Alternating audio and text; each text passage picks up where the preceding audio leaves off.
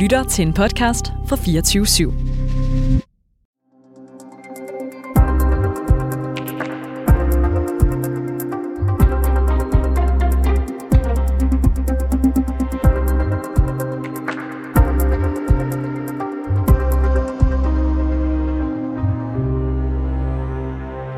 Den voldsomme konflikt mellem Israel og Palæstina, der senest er eskaleret yderligere efter Hamas' angreb mod Israel, er benzin på den militante islamismes bål. Og så fungerer den vildt effektivt for terrorister og andre ekstremister til at sprede deres budskab og dagsorden. Med andre ord, så kan krigen mellem Israel og Hamas få store konsekvenser for os i Vesten. Det mener terrorforsker Thor Hamming. Men betyder det, at terrortruslen mod vestlige lande, inklusiv Danmark, nu stiger? Det spørger vi om i reporterne i dag. Mit navn det er August Stenbrun.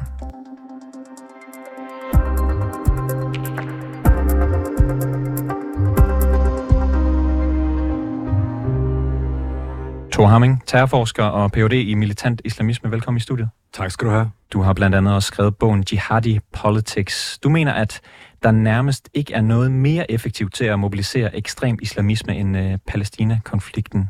Hvorfor er det så effektivt? Jamen, historisk set har det bare været den konflikt, som øh, de her militante islamister, eller jihadister, som de også går under, øh, har bekymret sig øh, mest omkring. Hvis du går helt tilbage til øh, før al-Qaidas tid, så, øh, så var det jo et af de emner, som øh, al-Qaidas grundlægger Osama bin Laden, han bekymrede sig allermest om, og det var en af grundene til, at øh, han overhovedet startede al-Qaida. Øh, det var fordi, at, at på et eller andet tidspunkt, så skulle der tages en kamp for at tilbageerobre øh, Palæstina som palæstinensernes land. Øhm, så historisk set har det bare været øh, en konflikt, der øh, øh, fra tid til anden virkelig har, øh, har fungeret som en, en øh, mobilisator øh, for de her øh, jihadister til at, øh, til at rekruttere folk rundt omkring i verden. Og hvad er det ved lige nøjagtigt den konflikt, der gør, at det sådan resonerer øh, hos, øh, hos militante øh, islamister? Jamen i deres øjne, der, det, der bliver konflikten jo, øh, øh, eller Israels eksistens øh, per se bliver jo set som en, en, øh, en, en grov overtrædelse mod øh, øh, og fornærmelse mod muslimerne. Øh, det her det var muslimsk land, øh, som blev givet til Israel øh, for, øh, for 70 år tilbage, og, øh, og det, det er jo noget, man ikke kan tilgive, øh, særligt med... Øh, med den efter, efterfølgende historie omkring, hvordan øh, palæstinenser har øh, har haft det i Palæstina, som jo ud fra de her jihadisters perspektiv øh, jo har været ganske forfærdelig. Så det har jo været den her evige historie omkring uretfærdighed, undertrykkelse, som er ekstremt øh, magtfuld, især fordi, at undertrykkeren, altså Israel, jo øh, rent religiøst bliver set som, som en af de aller værste fjender for de her jihadister. Øh, det kan godt være, at de lidt tror på den samme bog, men altså, øh, øh, jihadisterne mener jo, at at, øh, at jøderne og Israel øh, udgør en, en kæmpe trussel mod øh, øh, islam. Betyder det her så konkret, at terrortruslen den stiger efter weekendens begivenheder her? I Danmark? I øh, Vesten? Men altså, det er, jo, det er jo, man skal være hammerne på passelig med at være så definitiv omkring at vurdere terrortruslen, øh, men øh, der er i hvert fald et kæmpe potentiale for det. Øh, og øh, når jeg siger det, så er det fordi, at det også afhænger lidt af, hvordan vestlige nationer de kommer til at agere i den her øh, konflikt. Hvis man ikke gør noget fra vestlig side, så er jeg ikke sikker på, at det øh, har den store betydning. Men hvis vestlige lande går ind og øh, meget klart vælger side, som vi jo ser, at mange vestlige lande gør. Jeg til at sige det. Man ser ja. Joe Biden i, i, i nat. Man øh, ja. hørte fra statsministeren, det er 100% opbakning til Israel. Ja. Er det noget, der får terrortruslen til at stige endnu mere? Øh, det, det kan det sagtens. Altså, jeg, jeg tror måske, jeg tror måske, vi skal, vi skal se øh, støtten gå lidt længere, hvis vi øh, begynder at se sådan noget med, at øh, øh, nødhjælp til Palæstina bliver øh, taget væk, øh, våbenleverancer, øh, nødhjælpsleverancer til, til Israel. Konstant fokus på, at det her det er et angreb mod Israel, og, og øh, ligesom ikke øh, tilkendegiver, at det her det også har nogle konsekvenser for den palæstinensiske befolkning, som jo bliver holdt gissel, øh, øh, delvist i hvert fald af, af Hamas. Så tror jeg, der er mange, der, øh, øh der godt kunne blive øh, så sur og så forurettet, at, at øh, de også øh, kunne, kunne have lyst til at skride til handling. Også folk, altså der er lokaliseret bor i Vesten, i vestlige lande? Jamen, det er klart. Øh, vi har jo set historisk, at de sagtens kan blive øh, øh, mobiliseret, øh, altså aktiveret af sådan nogle øh, politiske begivenheder. Øh, vi har jo set det omkring hele Mohammed-sagen med, hvordan krænkelser, altså det at tegne profet Mohammed, som de mener, det er forkert, øh, at, at det kan få nogen til at, at ville begå terror i Vesten. På samme måde kan du sagtens forestille dig, at en Israel-Palæstina-konflikt, der... Øh, der øh, ser ud til at blive ekstremt voldsom, hvor politikere og civilsamfund tager ret meget, øh, vælger ret meget side, og samtidig også, hvor vi lever i, i en tid, hvor alt bliver så ekstremt eksponeret, så folk kommer jo til at sidde herhjemme og, og følge med, øh, lige meget om de holder med den ene eller den anden side, og se alle de her forfærdelige videoer, og se alle de her forfærdelige billeder, øh, og, og hvis du ligesom øh, går ind til den her konflikt med et, et, et verdenssyn, der hedder... Øh, jeg, øh, jeg støtter øh, Palæstina, jeg hader Israel, det her det er forfærdeligt, jeg behøver ikke være øh, ekstremist, jeg har bare øh, nu engang den, den politiske holdning, øh, så, øh, så er der måske ikke så langt, som vi går og tror fra, at, at man øh, sidder derhjemme, til man, man går, går ud og laver noget. Og øh, hvis du nu så siger, at terrortruslen øh, stiger, eller i hvert fald, at der er potentiale for, at, at den kan stige, hvad er det så for nogle mål? Hvad er det for nogle øh, personer og lande, der kan være i største risiko for, øh, for øh, hvad kan man sige, terror forbundet med, med den her konflikt? Jamen, det er jo klart de lande, hvor der er, hvor der er et, et eksisterende ekstremistisk miljø, fordi det er trods alt dem, man må formode først vil, ville øh, være parate til at skride til handling. Øh, og der har vi jo set over det seneste øh, 5-10 år i, i en europæisk kontekst, at et land som Frankrig øh, jo, jo har været rigtig hårdt ramt, øh, fordi de har et, et, et stort ekstremistisk miljø. Øhm, og øh, øh, der er også andre europæiske lande, øh, øh, Storbritannien for eksempel.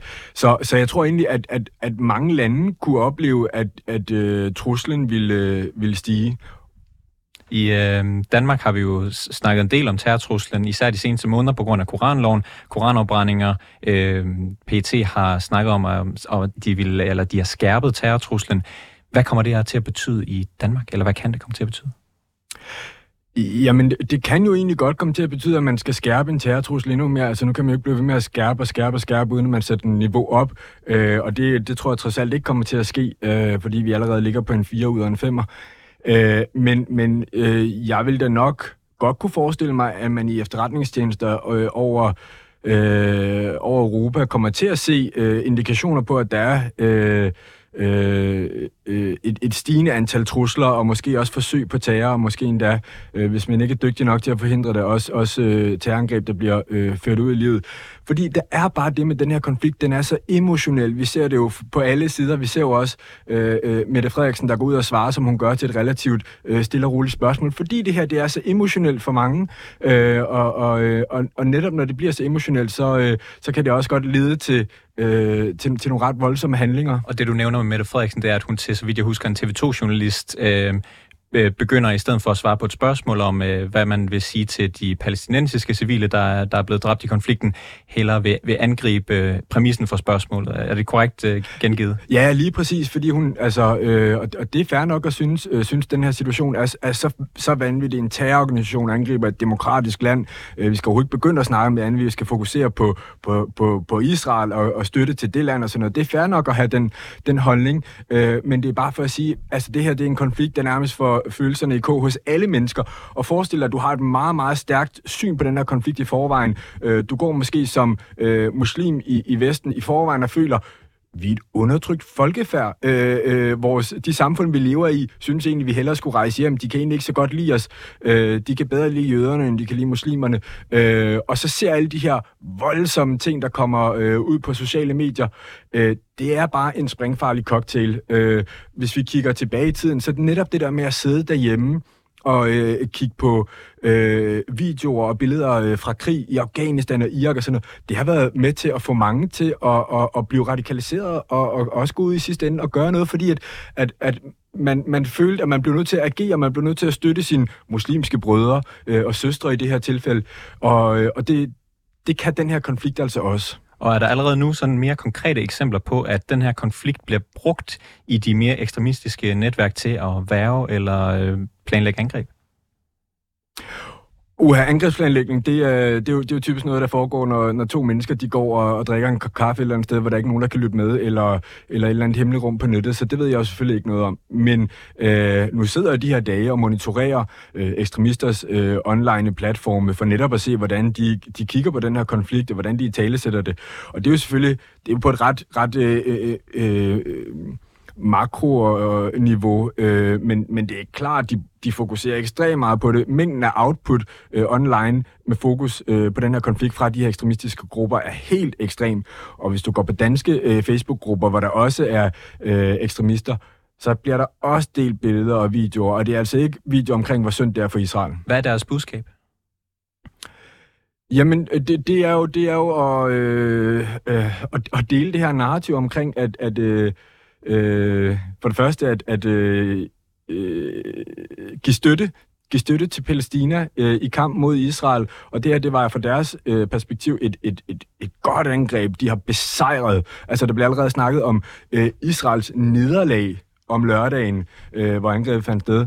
Øh, så, så, så, så øh, disseminerer det her øh, narrativ omkring, at de fik øh, Israel i, øh, i knæ. Nu er tiden til, at man skal øh, agere og prøve at se de voldsomme øh, øh, overgreb, de laver mod muslimerne i Gaza. Øh, hvordan, altså, øh, de sidste to dage har der øh, floreret mange billeder omkring, hvordan at Israel bryder krigens lov og bruger hvid fosfor og sådan noget i, i, i byerne i Gaza. Og det... Øh, det, øh, det er jo noget, de siger for at, at opildne en stemning og, og, og prøve at og, øh, ja, lave et narrativ øh, og vinde folkestemningen øh, i, i, i deres favør. Og hvad er det for nogle organisationer? Altså, du har, du har nævnt Al-Qaida tidligere, at de har brugt det. Er de på banen? Og Islamisk Stat, hvem, hvem er det, vi, vi taler om, der er i gang med at mobilisere her?